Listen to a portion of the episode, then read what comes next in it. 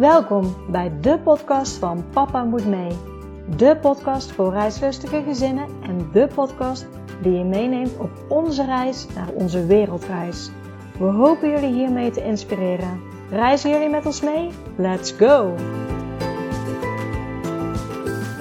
Welkom bij weer een nieuwe aflevering van Papa Moet Mee. Leuk dat je weer luistert en ik heb weer een heel mooi interview voor jou vandaag. Ik heb uh, Lieke gesproken en bij hun kwam de droom of het verlangen van een lange reis. Eigenlijk door ziekte, ziekte van haar man. Uh, daardoor zijn ze gaan nadenken van wat willen we nu, wat vinden we nu belangrijk in het leven. En uh, hebben zij de keuze gemaakt om te gaan. Zij moesten dus alleen nog even, medisch gezien, even wachten totdat ze echt konden gaan. Ze hadden al een camper, die hebben ze dus meegenomen. Ze hadden leerplichtige kinderen. Um, maar ze zijn een jaar gegaan, dus ze hebben zich uitgeschreven. En ze vertelt ook in haar geval hoe makkelijk het eigenlijk was om je uit te laten schrijven. Dus ik vind dat ook zeker een belangrijk. Ik weet dat er vaak heel erg tegenop wordt gezien. Uh, dat er vaak heel veel vragen om zijn. Uh, dus laat je ook vooral door dit verhaal inspireren dat het soms gewoon heel makkelijk kan gaan. Daarnaast zijn ze heel erg slim geweest met onderweg wat ze met hun woning hebben gedaan, waardoor ze kiet hebben gespeeld op de reis. Oftewel, die reis van een jaar heeft hun ook nog eens niks gekost. Ben je nieuwsgierig geworden hoe ze dat allemaal hebben gedaan? Dan zou ik zeggen: luister naar deze aflevering. Heel veel luisterplezier.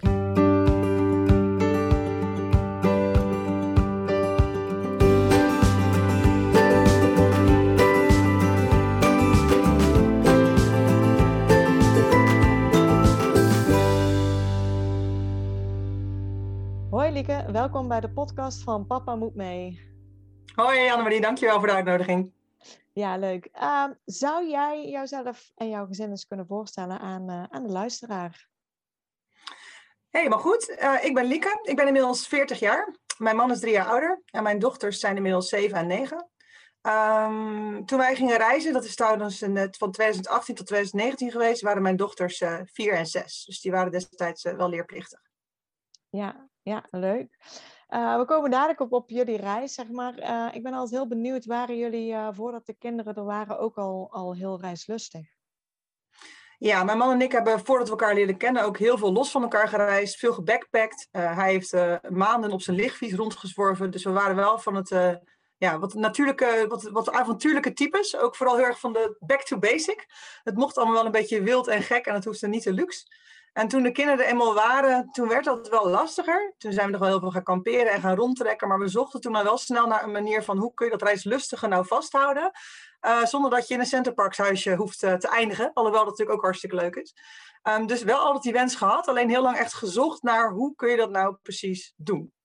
Ja, ja.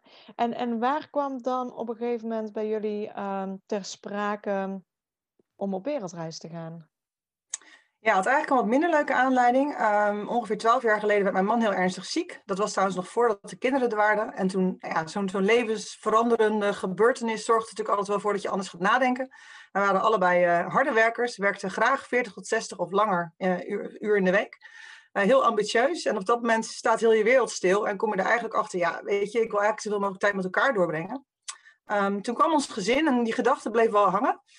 Um, heel erg van ja, we willen gewoon meer tijd samen doorbrengen. Je kan wel altijd maar werken en dan die grotere auto, dat duurdere huis, de kinderen naar school, naar de opvang, maar dat is het niet voor ons, weet je.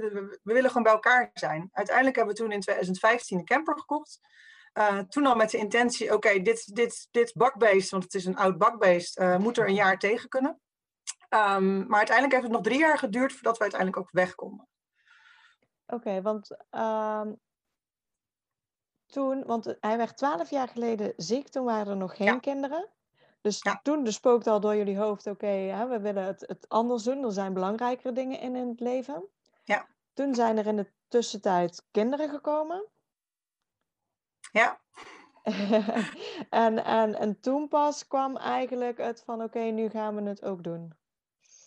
Ja, toen viel het eigenlijk een beetje allemaal op zijn plek. We wilden al langer een camper. We hebben op een gegeven moment, toen mijn jongste dochter vijf maanden oud was, um, hebben wij een camper gehuurd. We hadden zoiets van, ja, weet je, als je op een manier rond wil blijven trekken, zonder dat je met backpacks, met luiers en weet ik het allemaal niet wil zeulen, en kinderen op je buik of rug, dan moet er iets anders zijn waardoor je rond kan trekken. En we merkten toen al, de kinderen sliepen graag elke dag in hun eigen bed. Nou ja, een camper heeft dat eigenlijk allemaal. Hè? Um, dus eigenlijk in 2005, toen, dat is denk ik, toen was mijn jongste dus een jaar, uh, nog geen jaar toen hebben we die reis gemaakt en toen hebben we gezegd, nou, als, als we dit nou echt heel tof vinden, zo'n camper, want we vonden het eerst een beetje, uh, een beetje truttig, hè, zo'n zo'n wit ding. Uh, maar als we dit nou heel tof vinden en we zijn na een half jaar nog zo enthousiast, dan willen we er zelf één kopen. En dat heeft uiteindelijk dus nog, uh, ja, ik denk een half jaar nog niet eens geduurd. En toen kochten we onze eerste eigen camper en toen eh, werden de plannen wat concreter. Oké, dus het kwam eigenlijk ook een beetje met, met het begin van, de, van die camper dan. En dat was dan ook voor jullie mede de, de invulling dat je zegt van het avontuurlijke reizen, wat we deden, um, wat je eigenlijk wilde behouden met de kinderen erbij, maar waar je ook op zoek was, dat dat, kwam dan ook een beetje samen met, met die camper dan? Ja, zeker wel. Want aan de ene kant wil je dus wel, ik wil wel, wij zijn niet van de mensen die heel erg graag op één plek blijven, willen zoveel mogelijk zien. Um, maar ja, dan zit je als je gaat backpacken en met gigantische rugzakken, als het al lukt. Uh, plus, dan moet je weer hostels boeken, je moet plekjes vinden om te slapen. Dat is best wel veel gedoe. En onze kinderen, ja, elke nacht in een ander bed. Er zijn kinderen die dat heel makkelijk vinden. Bij die van ons werkt dat gewoon niet. Dan werd het gewoon niet slapen. En dan wordt zo'n reis meer, uh, ja, wordt het gewoon zwaar in plaats van hartstikke leuk. En dat camper-idee bleek dus eigenlijk heel goed te klikken. Ja. ja, dus toen werd de camper aangeschaft. Die, die, die was er toen. Uh, maar ja. wanneer kwam dan echt het plan concreet dat, je zeiden, dat jullie zeiden van oké, we willen voor langere tijd op pad met die camper? Ja, het plan was eigenlijk al toen we hem kochten, maar omdat mijn man erg ziek was, was het lastig om te gaan. Um, uh, hij heeft een ernstige auto-immuunziekte en hij stond destijds, uh, nou, moest hij een beetje klaar gaan staan voor niertransplantatie. Dat is eigenlijk de enige reden dat we drie jaar hebben gewacht, want het was of nu weg, met het risico dat we terug moesten onderweg uh, naar huis om hem te laten transplanteren. Um, of we moesten wachten op de transplantatie en dan nog een jaar, dan moet je een x aantal kilometers in de buurt van je ziekenhuis blijven voordat je weg mag. En uiteindelijk zijn we dus ruim een jaar na zijn transplantatie zijn vertrokken. Dus dat was puur medische reden dat we moesten wachten, ja. dan dat we nog niet wilden. Ja, ja, ja. Ja, snap ik. Um, ja, ondertussen groeiden de kinderen natuurlijk ook groter. Dus jullie hadden het plan al bedacht. Um, hebben jullie daarover nagedacht toen van, van over de leerplicht? Van, ja, um, omdat jullie kinderen ook ouder werden natuurlijk. Ja, dat was dus wel een probleem. Wij moesten dus en heel erg de medische afweging maken. Gaan we nou voor die transplantatie nog over na? Want als we voor die transplantatie hadden gegaan, hadden we dat leerplichtprobleem niet gehad. En nu kwamen we dus inderdaad in de knel met de leerplicht. Um, nou hadden wij een hele fijne school. Die zei, wij willen jullie overal bij helpen. Maar uiteraard hadden wij net als velen een leerplichtambtenaar die zei van... ja, maar dit mag wettelijk gezien gewoon niet. Uh, langere tijd weg. Um, dus wij hebben toen ons besloten om ons uit te schrijven uit Nederland. Iets wat ook moet. Hè? Als je langer dan acht maanden van plan bent om weg te blijven... dan moet je je eigenlijk uitschrijven uit Nederland. Ja. En dat is toen de oplossing die we hebben gekozen. We hadden ook wel een beetje het voordeel dat... Uh, nou ja, de jongste was nog niet leerplichtig, de oudste wel. Maar de oudste liep al heel snel heel erg voor op school. Dus voor ons was het eigenlijk een hele goede oplossing... om haar even uit het schoolse te halen uh, en op pad te gaan. We hebben wel van school alle materialen voor de desbetreffende klassen meegekregen. Dus we hadden alle boekjes bij ons. Dus wij konden onderweg ook gewoon de rekenboekjes en de taalboekjes doen. Hebben we ook deels gedaan. Um, hebben ook contact met school gehouden door te skypen. Maar hebben het wel een beetje minimaal gehouden. Ja, ja want zij zat dan in, in groep drie al? Of, um... Oh, moet ik even heel hard nadenken. Dat je het over rekenboekjes uh, hebt. En, uh... Ja, zij heeft groep 3 heeft ze onderweg gedaan. Ja, de oudste. Okay. En de jongste heeft dus groep 1, ja, groep 1 onderweg gedaan, ja. Ja, dat, ja. ja. um, nee, school wilde meewerken. Die heeft dus de, materialen zeg maar, aan jullie gegeven. Dat je in ieder geval een, een houvast had. Maar met de oudste hoor ik al dat het best wel makkelijk ging um, op school. Dus ja, dat is, uh, dat is dan ook heel erg een uh, voordeel. Hoe, uh, hoe hebben jullie het met de kinderen op, op school aangepakt? Hebben, hebben jullie ze betrokken bij het feit dat jullie op reis wilden gaan? Ja, we hebben een, uh, op het moment dat we zeker wisten dat we weggingen, dat was denk ik, we zijn uiteindelijk zijn we in september vertrokken in 2018.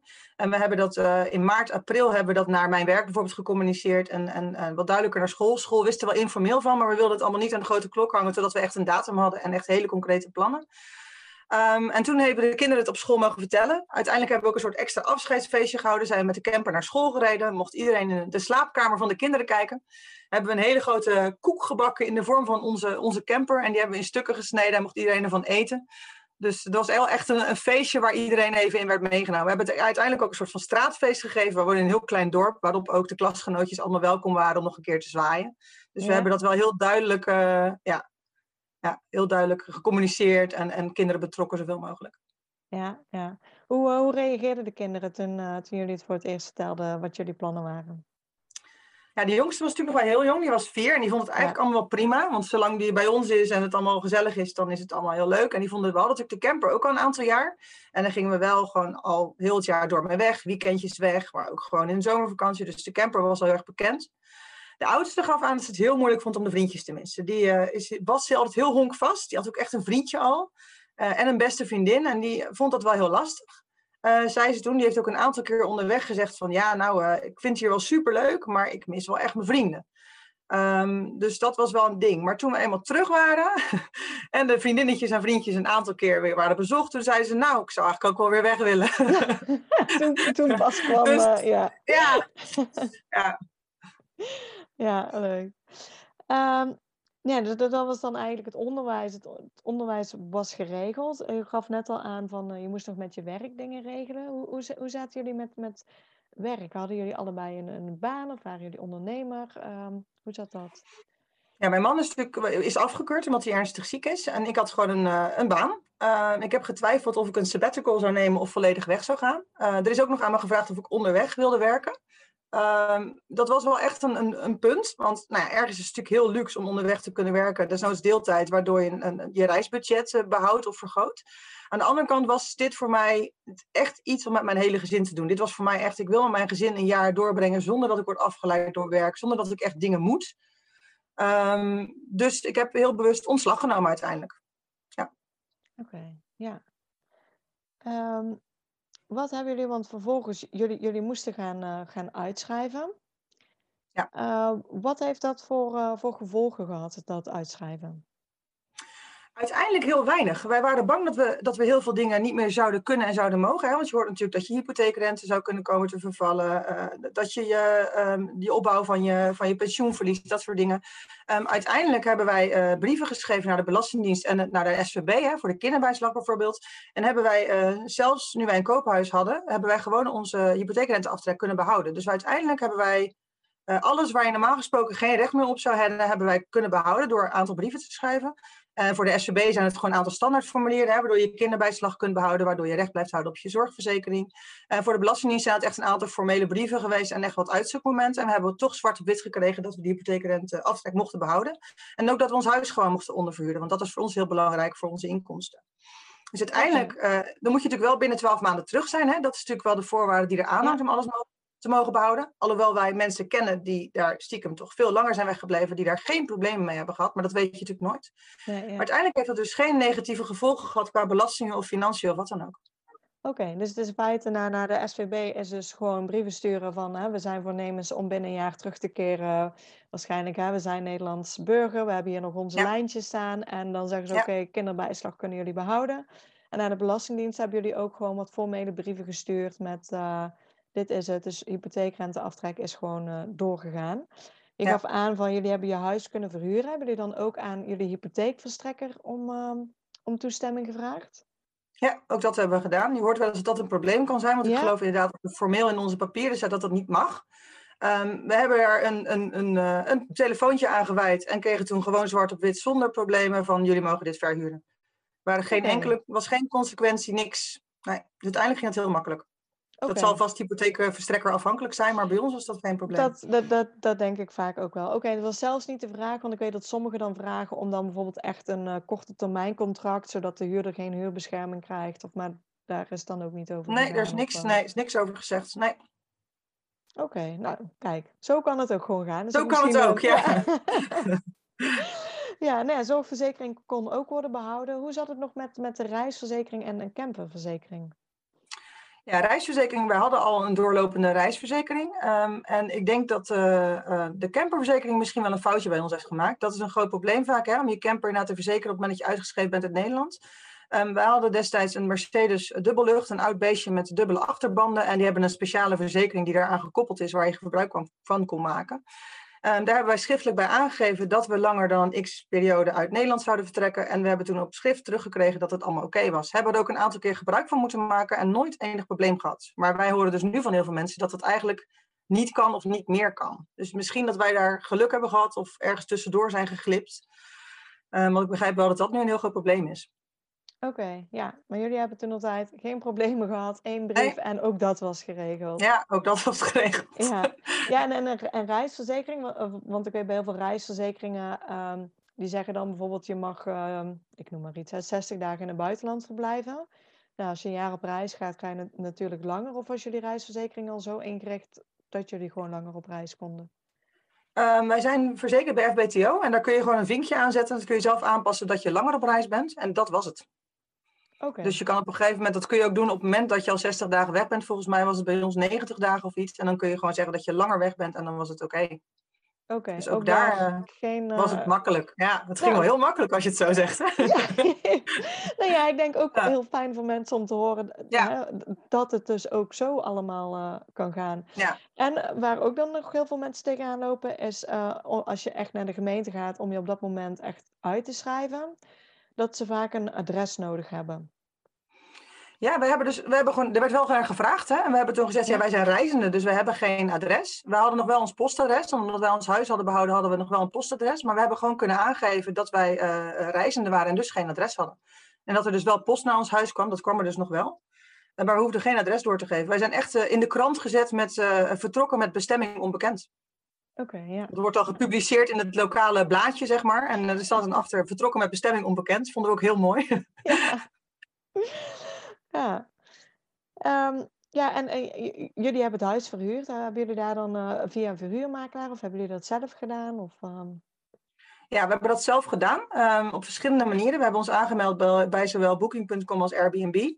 Um, en wij dachten in het begin, ja, gaat het nou wel lukken? Wie wil er nou in ons huis? Uh, dus de eerste paar weken hadden we het verhuurd aan een stel wat uh, zat te wachten totdat hun koophuis klaar was. Die hadden een, een nieuwbouwhuis gekocht, moesten al uit hun vorige huis en hadden dus een soort overbrugging nodig waarin ze in een huis konden zitten wat gemeubileerd was. Toen hebben we het zes weken verhuurd en die mensen waren zo tevreden en vonden het zo leuk dat we dachten, oké, nu gooien we Airbnb en Booking open. Toen waren we dus al wel onderweg. Uh, en dat was binnen no time was het vol. Um, dat was aan de ene kant heel leuk. Aan de andere kant moet je natuurlijk iemand hebben thuis die de schoonmaak doet, die zorgt dat de sleutel er ligt, die de was doet tussendoor. Uh, als er klusjes gedaan moeten worden of er is een probleem bij het huis, moet je iemand hebben. Plus je moet twee keer per dag online kunnen zijn. Dat is wel een ding. Uh, bij Airbnb uh, word je gewoon gerate als host of je wel of niet goed bent en moet je gewoon eigenlijk binnen 12 uur kunnen reageren op een mailtje van een klant. Um, dus het zorgde er wel voor dat onze reis anders werd. Je moest dus wel altijd zorgen dat je ergens wifi had. En af en toe betekende dat dus uh, s ochtends vroeg ergens een berg oprennen. En je telefoon de lucht inhouden in de hoop dat je even kon kijken of er niet iemand uh, thuis uh, overlast had in het huis of weet ik het wat. Dus het, het maakte het reis wel een beetje anders. We werkten dus toch een beetje op reis. Ja. Maar uiteindelijk heeft dat wel, ja, was dat budgetair was dat heel prettig voor ons. Ja, ja, want jullie hadden dan ook iemand thuis zitten die dus uh, de schoonmaak kon doen of uh, de sleuteloverdracht inderdaad. Ja, ja, de sleuteloverdracht hadden wij gewoon, we hadden een plekje in de tuin. Dus mensen konden gewoon binnenlopen, kregen dan van ons de dag van tevoren een berichtje van daar ligt hij. En wij hadden een familielid hebben wij in de buurt wonen wat uiteindelijk de schoonmaak heeft kunnen doen. Dus dat was wel heel fijn. Ja. Dus er was altijd wel iemand, het als er iets aan de hand was, en dat, dat gebeurde wel eens. Want we hebben in Nederland toen ook overstromingen gehad en weet ik het allemaal niet. Nou, dat hebben onze gasten allemaal mee mogen maken. Maar dan was er gelukkig een familielid van ons in de buurt, wat dan gewoon uh, tegen betaling dat allemaal voor ons oploste. Dus dat, uh, dat ontzorgde wel. Maar dat is wel een voorwaarde om dat te kunnen doen. Ja, ja want ik, ik verwacht wel in ieder geval dat, dat als je het dus via Booking en Airbnb doet, dan, dan brengt het meer op als je het gewoon lange te, ja, op uh, lange termijn ja. zeg maar, aan één iemand verhuurt natuurlijk. Ja, ja, ja, zeker. Ja, op lange termijn heb je natuurlijk, nou ja, eh, mensen huren een huis uh, voor een redelijk maal bedrag. Terwijl als je op vakantie bent, dan betaal je natuurlijk al gauw, meer en betaal je pak per week. We hebben tussendoor nog wel meer mensen gehad voor een lange periode. We hebben een echtpaar gehad wat om dezelfde reden als het vorige echtpaar op hun nieuwbouwhuis wachten, drie maanden bij ons hebben gezeten. En die hebben, daar hebben we nog wel steeds winst op gemaakt, hè, om zo te zeggen. Maar dat zijn inderdaad niet de bedragen die je kan vragen voor vakantieverhuur. Ja, ja, dus eh, nou, dat was ook meteen lekker. Er kwam ondertussen dus ook nog geld binnen onderweg door, uh, door, door, dit. Uh, en, en van tevoren, hebben jullie van tevoren gespaard voor, voor deze reis? Ja, ja we zijn, toen we de camper dus kochten in 2015 hadden we al wel wat gespaard. Maar zijn we ook de, de, jaren daarna, dus nog drie jaar lang, hebben wij doorgespaard. Want we hadden, waren er eigenlijk vanuit gegaan dat we het huis niet zouden kunnen verhuren. Ik bedoel, een soort worst case scenario en een best case scenario hadden we gebouwd. We hadden het wel redelijk structureel aangepakt. En gekeken, nou wat nou in het ergste geval dat er geen enkele manier geld binnenkomt. Uh, en dat wij heel veel onkosten hebben, wat hebben we dan nodig? Nou, uiteindelijk, mag je best weten, hadden wij uh, rond de 30, 40.000 euro op onze spaarrekening. Uh, want er kan natuurlijk van alles gebeuren. Wij reizen met een camper van ruim 40 jaar oud, een oude Mercedes. Nou ja, zo'n ding kan ook instorten. Er kan van alles gebeuren. Mijn man kon ziek worden, waardoor we tussendoor heen en weer terug zouden vliegen. Nou, je weet niet altijd of het allemaal vergoed wordt door de verzekering. Dus er waren natuurlijk best wel wat risico's. Um, wij hadden wel besloten om heel erg back to basic te reizen. Dus wij hadden ook al gezegd, wij gaan zoveel mogelijk wild kamperen. En alleen in geval van nood of wanneer het echt even, nou wanneer het echt even wil, gaan we op een camping staan. En uiteindelijk van de ongeveer 360 dagen dat wij zijn weg geweest, hebben we ook echt maar 10 nachten op een camping gestaan. En dat is een hele grote kostenpost natuurlijk. Want een camping, nou ja, hè, eh, vooral in het hoogseizoen ben je zo 40 euro kwijt afhankelijk waar je bent. Uh, en als je die kosten niet hebt, dan kun je natuurlijk vrij goedkoop leven. Ja, ja. Ja, precies. Ja, ik, ik denk dat we, dat we in die zin het meeste hebben gehad. Het huis was geregeld. Jullie hadden van tevoren al, al gespaard en jullie hadden opbrengsten van het huis. Het onderwijs was geregeld. Ja, uitschrijving ging nou, relatief makkelijk, kunnen we zeg maar uh, concluderen. Ja, um, ja en, en toen konden jullie vertrekken. was september 2018, gaf je aan. Ja, Hadden jullie een, ja. um, een plan? Want jullie, het plan was in ieder geval een jaar weg te gaan. Ja. Ja, verder hebben we, we hebben heel lang nagedacht over een plan. Ja. dus ja, moeten we niet met een bepaald doel op reis? Weet je, we hadden, we hadden zelf ook zoiets van, ja, willen wij niet uh, onze reis groots bekendmaken en bijvoorbeeld uh, alle stranden van Europa gaan opruimen en, en, en uh, hè, plastic gaan ruimen? Dat doen we thuis heel vaak met de kinderen. Of moeten we niet een soort ander doel hebben? En uiteindelijk hadden we zoiets van, ja, we kunnen het niet zo goed verzinnen, we gaan maar gewoon. En het enige doel was om zoveel mogelijk de warmte op te zoeken. Uh, onze camper, wat ik al zei, is erg oud en was ook niet overal waterdicht. Dus we hadden zoiets van, nou, laten we maar gewoon zo snel mogelijk naar het zuiden rijden. Dus het idee was naar het zuiden en op een gegeven moment weer naar het noorden. dat was het enige plan. Oké, okay, nou, lekker om in ieder geval zo te gaan, zeg maar. Ja. planvrij. Dus uh, september 2018 zijn jullie vertrokken. Hoe heeft jullie reis er uh, uitgezien? Waar zijn jullie allemaal geweest? Um, uiteindelijk zijn we in 19 landen geweest. We zijn dus inderdaad zuidelijk gegaan, gewoon uh, België, Frankrijk, Spanje. Uh, van Spanje zijn we overgevaren naar Marokko. Um, toen wij dus eerder die camper hadden gehuurd, uh, toen mijn jongste dochter nog vijf maanden was, zijn we echt verliefd geworden op Marokko. Daar zijn we uiteindelijk vier maanden gebleven. Um, we zijn tot helemaal Zuid-Marokko geweest. Ze hebben daar ook een visumverlenging aangevraagd, omdat het gewoon, ja, het is zo'n prachtig divers land waar zoveel kan, waar je nog zo vrij bent. toen zijn we vanuit Marokko teruggevaren naar Spanje. Spanje doorgereden, overgevaren naar Italië. Uh, een maandje in Italië gezeten, van Italië naar Albanië gevaren. En uiteindelijk uh, door de Balkan langzaam omhoog en door Duitsland uh, terug. En toen was het augustus 2019. Wauw, ja, hele ja. route. Ja. ja. Wat, um, ja, wat staat jullie nu het meeste bij van, van, van al die landen? Wat was de meest bijzondere ervaring? Ik denk doordat we altijd in the middle of nowhere stonden, of in ieder geval niet op camping stonden, hebben we ja, de bevolking overal zo goed leren kennen. En heb, ontdek je eigenlijk altijd dat er overal altijd gewoon hele leuke mensen zijn met hele mooie culturen. Uh, dat mensen zo goed voor elkaar zorgen, dat er zoveel gastvrijheid is. Dus uh, al de ellende die heel dagelijks uh, op, op het nieuws is, die, ja, je ziet eigenlijk de goede kant ervan, zeg maar. Dat er nog zoveel mooi is en zoveel leuk en, en dat de natuur zo mooi is. Um, we hebben vooral verschrikkelijk veel leuke mensen ontmoet. Mensen waar we nu ook nog veel contact mee hebben. Zowel in het buitenland, lokale mensen daar als medereizigers. Want op het moment dat je niet drie weken in je camper zit, maar echt lang op reis gaat, kom je natuurlijk heel veel soortgelijke mensen tegen. Ja. Um, dat is gewoon heel erg mooi. Mensen die de tijd nemen om te leven. Hè? Want onderweg, ja, mensen vragen altijd, wat doe je de hele dagen? Ja, je bent eigenlijk aan het leven. En leven kost eigenlijk heel veel tijd als je er de tijd voor neemt. Waar je s ochtends normaal gesproken als de wekker gaat, als een gek uh, gaat aankleden, uh, eten maken, tanden poetsen, haren kammen ja, sta je nu op en, en volg je het ritme zoals het, ja, zoals het eigenlijk goed voelt. En dat kost best wel veel tijd. Ja, je, je bent vaak met, met de basics bezig inderdaad. Met, ja, uh, ja. ja. ja. en die, zijn, uh, die kunnen heel relaxed zijn. En ja, we zijn dus heel veel de natuur in geweest. We hebben dus heel veel van, van echt van het buiten uh, genoten. En dat, uh, ja, dat zijn echt de mooiste herinneringen. Dat je bij mensen. Een hele mooie vind ik altijd dat we op een gegeven moment in Albanië reden door het gebergte daar. En daar mag je officieel niet, uh, niet s'nachts staan.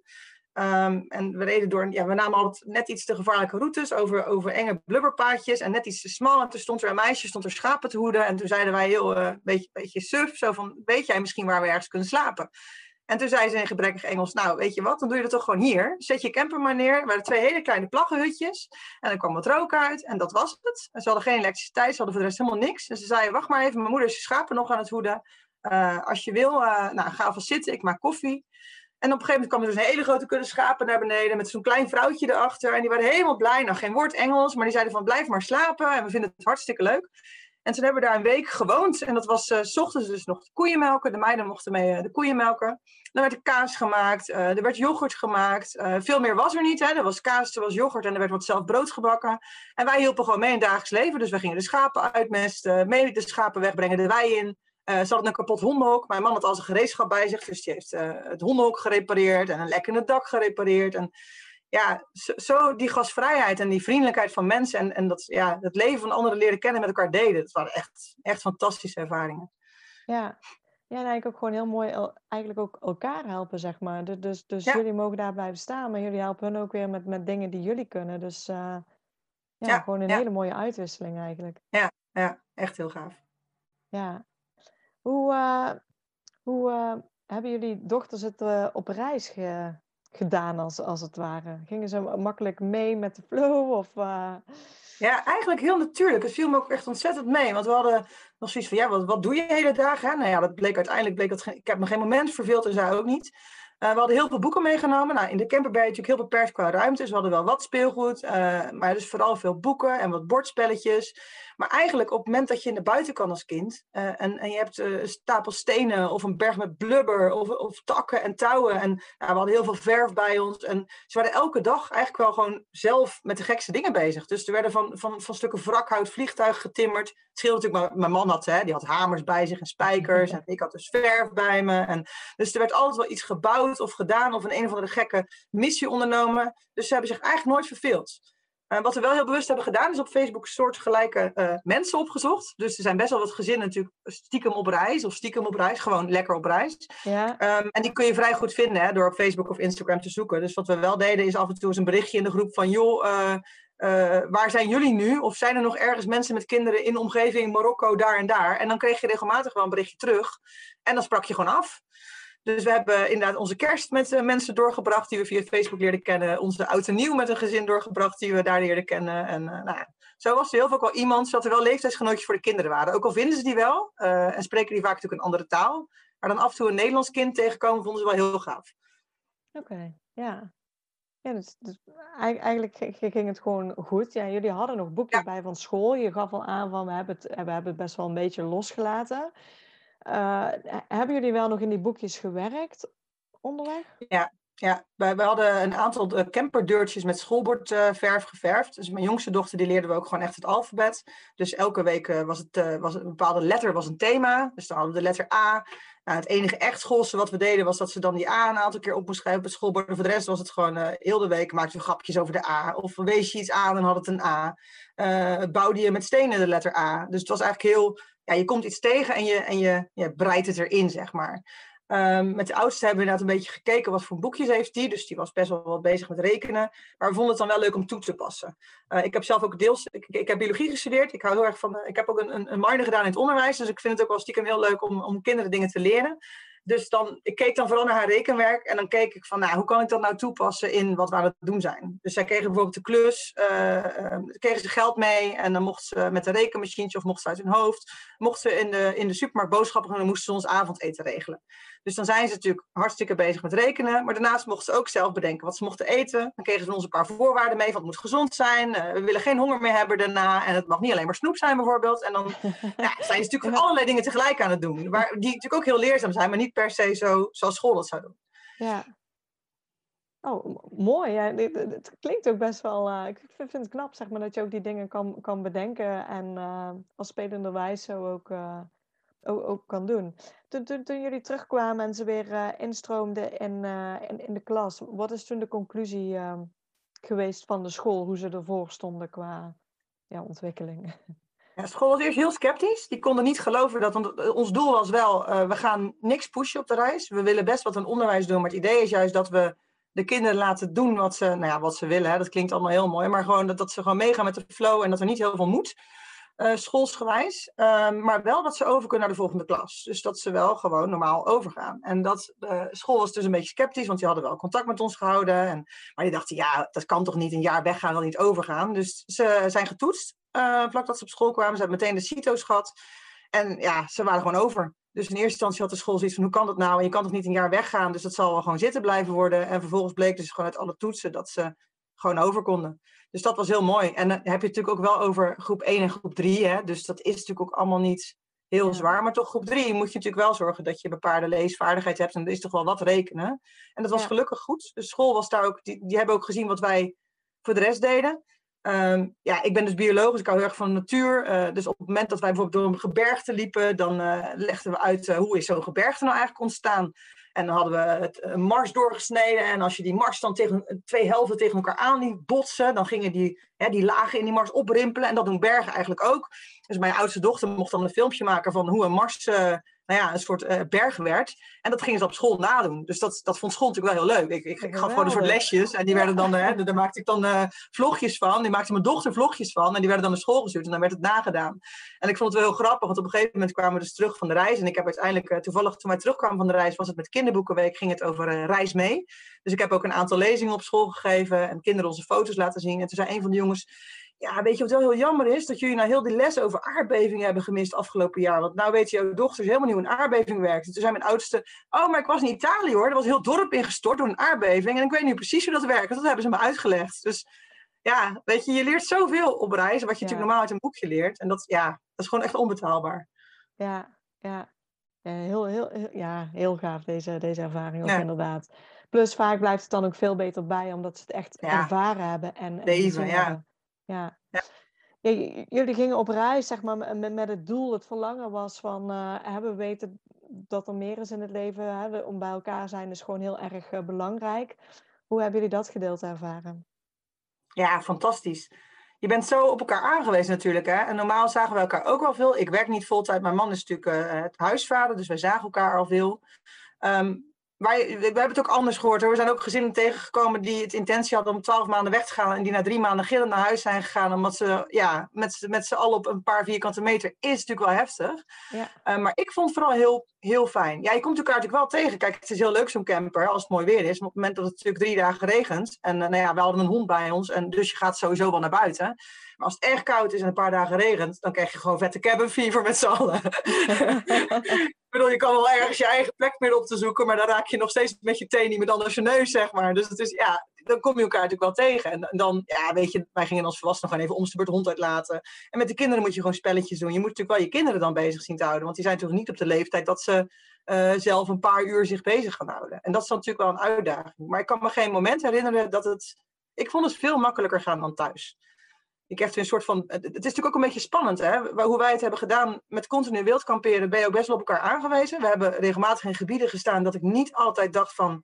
Staan we hier nou zo veilig? Dus je bent heel erg echt voor elkaar aan het zorgen. Het is een soort heel. een beetje back to basic. En dat vond ik. Uh, ja, vond ik een hele mooie. Ik kreeg een hele duidelijke rolverdeling. en dat vond ik wel heel fijn. Ja. Ja, ja want, want hoe, uh, hoe kwamen jullie aan, aan, aan jullie plekken waar jullie stonden? Gebruikten jullie uh, daar, daarvoor de apps, hè? Park for Night of... Uh, ja. Of, of voornamelijk Park for Night. Ja. ja, we zochten ze ook zelf, voornamelijk Park for Night. En uh, op sommige gebieden kom je ook haast geen Park for Nights tegen. En wat we dan gewoon deden was uh, Google Maps op satelliet zetten. En flink inzoomen en kijken of er ergens smalle wegjes waren die doodliepen. en dan kijken wat er was. En ik vind dat wel een verschil met een aantal jaar ervoor. En toen we dus de eerste keer naar Marokko gingen met de camper, toen was er nog geen Park for Night. En toen hebben we mm, best wel stress ervaren. Hè? Want als je s'avonds laat nog naar een plek moet zoeken en je wil niet meer in het donker rijden, dan eindig je nog wel eens op een afgetrapt parkeerterrein treintje bij een benzinepomp. Nou, dat vind ik al heel erg veranderd door alle apps die er zijn. Dat hoeft nu dus eigenlijk niet meer. En die apps zijn wel heel behulpzaam. Je ziet nu wel dus dat als, ja, als apps, als, als bepaalde plekken heel populair worden, dat mensen toch vaak hun afval laten liggen. En dat is natuurlijk gewoon heel jammer. En je ziet nu natuurlijk sinds corona, want wij zijn natuurlijk net voor coronatijd teruggekomen, dat het allemaal niet meer zo simpel is. Dat je plekken waar wij eh, in 2018, 2019 heerlijk aan de kust in Portugal, dat mag nu allemaal niet meer. Dus dat is er wel heel veel veranderd in de afgelopen jaar. Ja, ja, Portugal is ook veel strenger geworden. Hè? Officieel is daar volgens mij nu ook wildkamperen helemaal verboden. Ja, ja. Ja, ja. ja want, want uh, hoe was... Ja, jullie zijn uiteindelijk vier maanden in, uh, in, in, Marokko geweest. Hoe, uh, ja. ja. Marokko is toch... Um, ja, een andere wereld als, als Afrika. ja. ja. Ja, zeker. Ja. Hoe, hoe was die beleving en, en hoe ging het daar, zeg maar, uh, wild kamperen ook? Ja, voor ons was het een beetje spannend. We hadden in Marokko afgesproken in januari met mijn moeder. Mijn moeder had daar een Airbnb gehuurd in de, in de bergen voor mijn verjaardag. Die had mij dan inmiddels een maand of vier niet gezien. Die wilde ons heel graag als gezin bezoeken. Dus die had uh, in de Hoge Atlas een huisje geboekt. En net een maand daarvoor, op het moment dat wij wilden oversteken naar Marokko, was, het, uh, was die, die moordaanslag op die twee Scandinavische meisjes. Er zijn daar op gruwelijke wijze toen twee Scandinavische meisjes onthoofd in die Hoge Atlas. Um, waardoor wij zoiets hadden van, oh jee, uh, Hè, gaan, wij, gaan wij dit nou doen? Hè, we hebben twee kleine kinderen, we zitten heerlijk veilig in Spanje, nou ja, ook maar relatief veilig natuurlijk. Gaan wij nu die plas oversteken en gaan we naar dat land in waar die aanslag is geweest? Um, toen uiteindelijk hebben we tegen elkaar gezegd, joh, we zijn eerder in dat land geweest. Als het niet veilig voelt, gaan we terug. We gaan er gewoon heen en we gaan kijken hoe het voelt. Want dit is één incident. Hè? Ik bedoel, er gebeurt iets. En natuurlijk is het afschuwelijk, maar zulke soort dingen gebeuren helaas overal in de wereld. Um, we zijn toen in één ruk naar dat huisje gereden, zo ongeveer. Ja, we hadden een paar overnachtingen nodig. Die hebben we toen op campings gedaan, want we ons gewoon niet helemaal lekker voelden bij de situatie. En toen kwamen wij in de Hoge Atlas aan, werden wij ontvangen door de burgemeester, want je had gehoord dat er mensen uit Europa kwamen. En nou ja, de, de, politie stond daar in de hoogste paraatheid, omdat, natuurlijk, omdat die aanslag was geweest. Um, en um, de burgemeester was de eigenaar van ons huisje samen met zijn vrouw. Maar zijn vrouw was Franses. En die zei ook, ja, maar als je even heel realistisch kijkt, als je naar het aantal aanslagen kijkt wat er in Marokko gebeurt ten opzichte van bijvoorbeeld Frankrijk. Frankrijk is, is ongeveer 20 tot 30 keer zo hoog. Alleen op het moment dat zoiets gebeurt, wordt het natuurlijk ten eerste heel breed uitgemeten in de pers. Um, uh, ja, en, en daarnaast, uh, vervolgens werden wij dus extreem beveiligd, wat ook niet leuk was. De, de, de weken dat wij in dat huisje hebben gezeten, zaten dus continu, bleek er dus politie niet heel ver achter ons te zitten. Want er waren westelingen, ja, en er mag echt niks gebeuren. Marokko is natuurlijk heel erg afhankelijk van zijn toerisme. En is dus, heeft een hele, voor de Marokkanen zelf is de politie absoluut niet, niet aangenaam. Maar voor toeristen is er een hele goede toeristenpolitie. Dus ze doen er alles aan om te voorkomen dat er iets met je misgaat. Wat er dus ook voor zorgt dat je minder makkelijk kan wildkamperen. Uh, want je moet beschermd worden, vinden ze. Dus we hebben op een aantal plekken gehad dat wij inderdaad onder politie-escorten uh, uh, dringend werden verzocht om naar de dichtstbijzijnde camping te gaan. Dat hebben we toen ook een aantal keer gewoon gedaan. Want ja, als de mensen daar echt hè, op staan, dan doen we dat gewoon. Maar voor de rest hebben we eigenlijk helemaal nergens ook maar iets onaangenaams ervaren. We hadden wel een soort een standaard regel voor onszelf. Op het moment dat wij wild kamperen, stond de neus van de camper altijd naar een eventuele uitgang. En op het moment dat er nog andere mensen stonden, maakten we altijd kennis. Dan kom je natuurlijk heel vaak op de mooiste plekken en dan staat er wel een camper.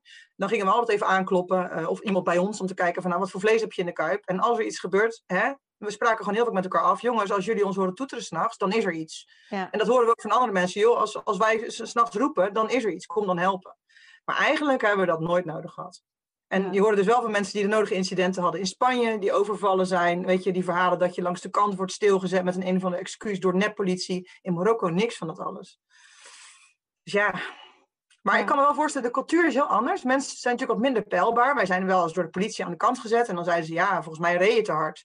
En Marokkanen krijgen dan meteen een boete. En als je dan als Westeling nog een beetje vriendelijk glimlacht, kom je er nog wel eens onderuit. Maar in eerste instantie, als je wordt stilgezet door een berg Marokkanen met grote geweren, dan denk je, oh, hmm, Hè, met je vooroordelen best wel. Uh, want in Nederland snap je natuurlijk als je door het de politie wat je kan verwachten en daar minder. Maar er was nooit enige reden om, nee, om bang te zijn of nee. Nee, hoe, hoe zat het met jullie camper? Hoe lang konden jullie uh, met, met, met water doen en, en, en dat soort zaken? Want jullie hebben uiteindelijk heel veel uh, niet op campings ja. gestaan. Ja. Hoe, hoe pakten jullie dat aan? Uh, we hadden een 100 liter watertank bij ons. Dat was wel, vonden wij niet drinkwater, want die tank was gewoon niet goed schoon. En daarnaast hadden wij 60 liter drinkwater bij ons. We hadden wel altijd uh, speciale filters bij ons, waarbij we elk water konden drinken. Dus op het moment dat er een geval van nood was, dan zorgden we ervoor dat we, nou, dan kun je dus uit elke willekeurige sloot, zolang er maar geen zoutwater is, kun je gewoon water drinken. Ja. We hebben uiteindelijk weinig gebruikt. Het gebruikten we vooral tijdens wandelingen. Op het moment dat we lang aan het wandelen waren, we maakten wel eens echt hele lange wandeltochten. En je wilt niet met al die flessen water op je rug sjouwen, dan namen we die filters mee. Vonden de kinderen voor ook helemaal het einde, dat je op je knieën kan gaan zitten in een rivier en dat je lekker water kan drinken. Maar eigenlijk dat niet echt nodig had. Ja, je wordt dus heel, heel zuinig met dingen. Ik weet nog goed dat ik ook thuis kwam de eerste week, dat ik uh, uh, nooit de kraan liet lopen. En als ik een glas water half had leeggedronken, dan dacht ik, oh, ik heb nog een glas over. Ja, dat ga ik niet door het gootgat spoelen. Je wordt zo bewust van wat je bij je hebt. Want dat is net wel, hè, je, hebt je, je stroom, nou, een mobieltje kunnen opladen en een laptopje. Uh, en, en dan heb je je water en, en je wc'tje, wat je, want we hadden voor, vooral voor de kinderen wel, wilden we echt een wc'tje, wat je dan ergens moet kunnen legen zonder dat je de natuur verprutst. Um, dus je wordt gewoon echt heel zuinig.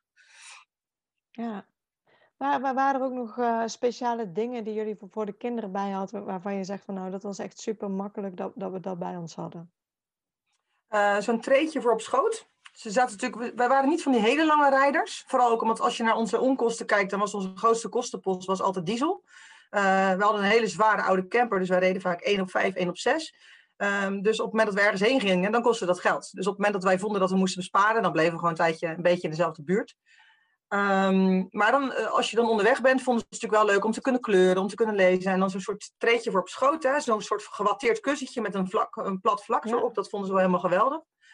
Um, ze hadden ook hun eigen muziek bij zich en hun eigen camera's. Ze vonden het heel leuk om zelf foto's te maken en, en daar een soort dagboekje van te maken. Verder hadden we echt wel nodige knutselspullen bij ons. En wat kinderen onderweg verschrikkelijk leuk vonden, ik smink. Uh, en ik had mijn sminkkoffer meegenomen. Dus ik heb de nodige feestjes mogen bouwen door kinderen te sminken. dat was altijd wel een heel groot succes. En dat zie je, als mensen lange reizen, zie je dat eigenlijk elke groep met reizigers, elk gezin heeft vaak wel iets bij zich. En je denkt van, wow, wat gaaf. Uh, bij ons is dat denk ik de sminkkoffer en het gereedschap van mijn man. Maar we hebben bijvoorbeeld ook mensen gezien, stonden we in de middle of nowhere aan een strand waar niemand was. En dan kwam er een Duits Mercedes-busje aanrijden. En er stapten twee jongens uit en die zetten een pingpongtafel neer. En die gingen staan pingpong. en we hebben een keer midden in de woestijn gestaan, waar echt helemaal niks was, behalve nog één Nederlands busje. En die hadden een discolamp bij zich. Dus toen hebben we een disco gehouden midden in de woestijn. Dus zo zijn er altijd wel, ja, het is heel leuk als je iets bij je hebt waarmee je helemaal de blitz kan maken. ja, ja, gaaf ervaringen. Ja, leuk om te horen. Ja, heel gaaf. Ja. Hoe, uh, dit kwam net al een beetje te sprake van uh, dat benzine of diesel dan uh, in jullie geval het, het, het, duurste was. Ja. Hielden jullie ehm, echt een, een budget bij? Ja, we hebben eigenlijk een, we hadden het zwarte boekje, noemden we dat. Dat is een boekje waar we eigenlijk al onze uitgaven in bijhielden. Um, niet per se, omdat we toen we eenmaal zagen dat de Airbnb goed ging lopen, maakten we ons niet meer echt zorgen om het geld, maar wel om gewoon bij te houden van dit, wat kost dit nou? En als je kijkt, nou, het is ook heel erg afhankelijk, in, welk land je bent. Als je bijvoorbeeld in Marokko bent, daar kostte destijds de diesel uh, eh, 89 cent per liter, terwijl destijds in Nederland 1,70 euro. Nou, dat is reizen natuurlijk ook goedkoper. Plus in Marokko, op het moment dat je leeft van wat er op de markt te koop is, dan kun je voor 1 euro per dag kun je prima rondkomen. Uh, maar wil je natuurlijk naar de, ik noem maar wat, een museum of wil je gaan bungee jumpen, dan zien de, uh, ja, de uitgaven er heel anders uit. Dus ik had ook mijn zwarte boekje er even bijgepakt. En dan zag ik dat ik de eerste weken dat we ongeveer tussen de 3 en de 400 euro per week uitgaven. En ongeveer de helft van het bedrag was diesel. Uh, aan het begin wilden we ook gewoon snel naar beneden, hè, want in Nederland werd het kouder. Uh, wilden we gewoon snel die Pyreneeën over, want daar was het nat en sneeuwrijk. En snel Spanje in. Uh, dan zie je ook dat we de entrees hielden we ook bij ons. We gingen wel eens naar een museum of naar een concert. Of uh, we kochten ook wel souvenirtjes. Hè. Soms kochten we een leuk boek. Op een gegeven moment ben je zo lang aan het reizen, dan heb je kleding nodig. Dus ik heb ook de onkosten voor kleding bijgehouden. Camper is een aantal keer uh, behoorlijk kapot geweest.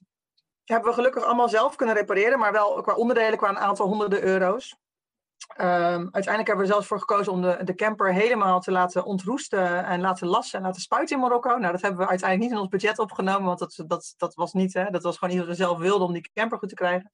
Maar uiteindelijk, als ik dus naar de uitgaven kijk, is het altijd rond de 400 euro per week gebleven. Ook al waren we in Marokko, daar gingen we gewoon vaak uit eten. Nou ja, dat is daar betaalbaar, dus dan past dat veel makkelijker in je budget. En altijd dus ongeveer de helft van het geld aan diesel.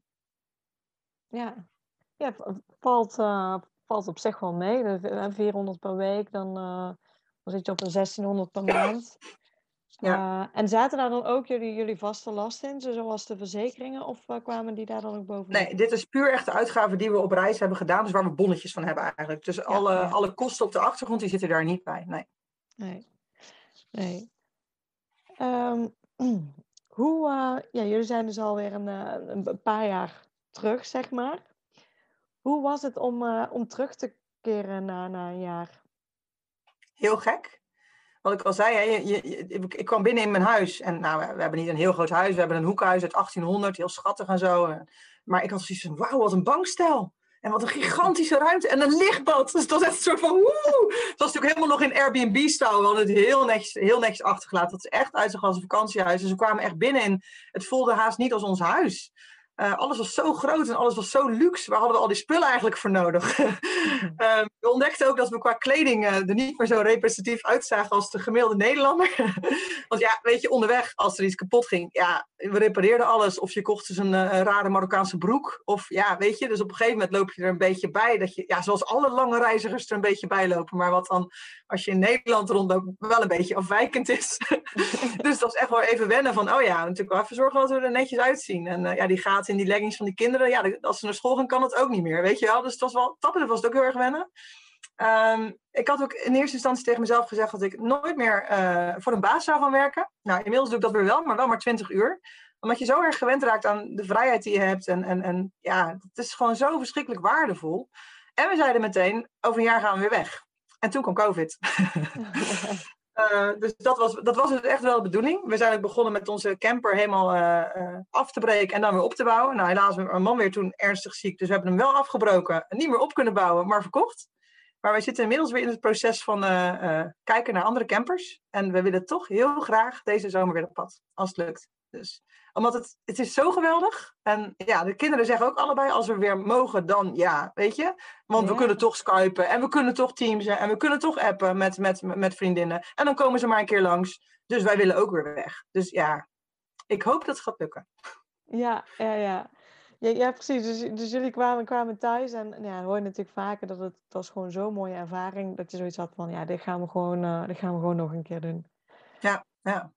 Ja, ja mooi. Um, ik heb voor jou nog uh, ditjes of datjes. Ik zou zeggen, denk niet te veel na en uh, kies oh, gewoon uh, wat het eerste in je, in je opkomt. stedentrip of strandvakantie? Strandvakantie. Auto of vliegtuig? Mag in jullie geval ook camper, camper of... Camper. Uh... camper. Backpack of koffer? Backpack. Airbnb slash hotel of kamperen? Kamperen. Zomer of winter? Zomer. Zwembad of zee? Zee. Bergen of strand? Oeh, daar ga ik ruzie krijgen binnen het gezin. Bergen aan zee? ja, ik denk Bergen dan, toch bergen. Europa of buiten Europa? Europa is prima. Roadtrip of één vaste plek? Roadtrip. Ja, en, en voor, voor jullie plan maken jullie, want hè, je zegt van we willen eigenlijk weer weg. Zijn er nu dan ook uh, bewuste keuzes die, jullie daarin maken om weer weg te gaan? Denk bijvoorbeeld aan, aan, aan geld sparen of uh, ja, zeker. Ja, wat voor ons, ik, ik, ik raad ook heel veel mensen aan. Wat het allerbelangrijkste is, is prik en datum. Want ik weet nog goed, toen wij, toen wij weggingen en ik het vertelde op mijn werk, toen had nou, ik denk dat 9 op de 10 van de mensen zei: Oh, wat geweldig, dat zou ik ook wel willen. En toen zei ik: Ja, maar waarom doe je het dan niet? Ja, maar ik heb geen geld. Ik heb een vaste baan. Ik heb kinderen. Ik heb maar. Ik, alles wat ze zeiden kun je eigenlijk weer leggen. Want wij hadden hetzelfde probleem. We waren niet rijk. We hadden gewoon hard gespaard. Uiteindelijk bleek dat sparen niet heel erg nodig. Hè? Want we hebben uiteindelijk dus bijna kiet kunnen spelen door ons huis te verhuren. Nou, heel veel mensen zouden dat kunnen doen. Het moeilijkste voor ons was het echt concreet maken en gewoon die datum prikken. En op het moment dat je die datum hebt, uiteindelijk moesten wij, helaas moest mijn man nog uh, even een chemokuurtje voordat we weggingen. Dus wij zijn uiteindelijk één week later vertrokken dan dat we hadden gepland. Maar oké, ik vond dat we een goed excuus hadden. Maar die datum zetten en er dan dus naar die datum toe gaan leven, dat is een hele belangrijke. En ik heb die datum nu nog niet durven prikken, want we hebben geen camper. En dat vind ik nog wel een ding. Ja, ja. um, maar als die datum eenmaal is, ja. En we hebben natuurlijk wel, wij meteen toen we terugkwamen, hebben gezegd: oké, we gaan niet mega weer luxe leven, want wij zijn nogal van het lekkere eten. En we hebben gezegd: wij willen nog een jaar weg, dus we leggen wel geld opzij. Zonder heel krampachtig te gaan sparen, uh, gewoon geld opzij leggen. En weten dat als we een bepaalde basis hebben en we krijgen dat huis alweer verhuurd, dan, dan komen we er wel. Ja, ja. ja mooi.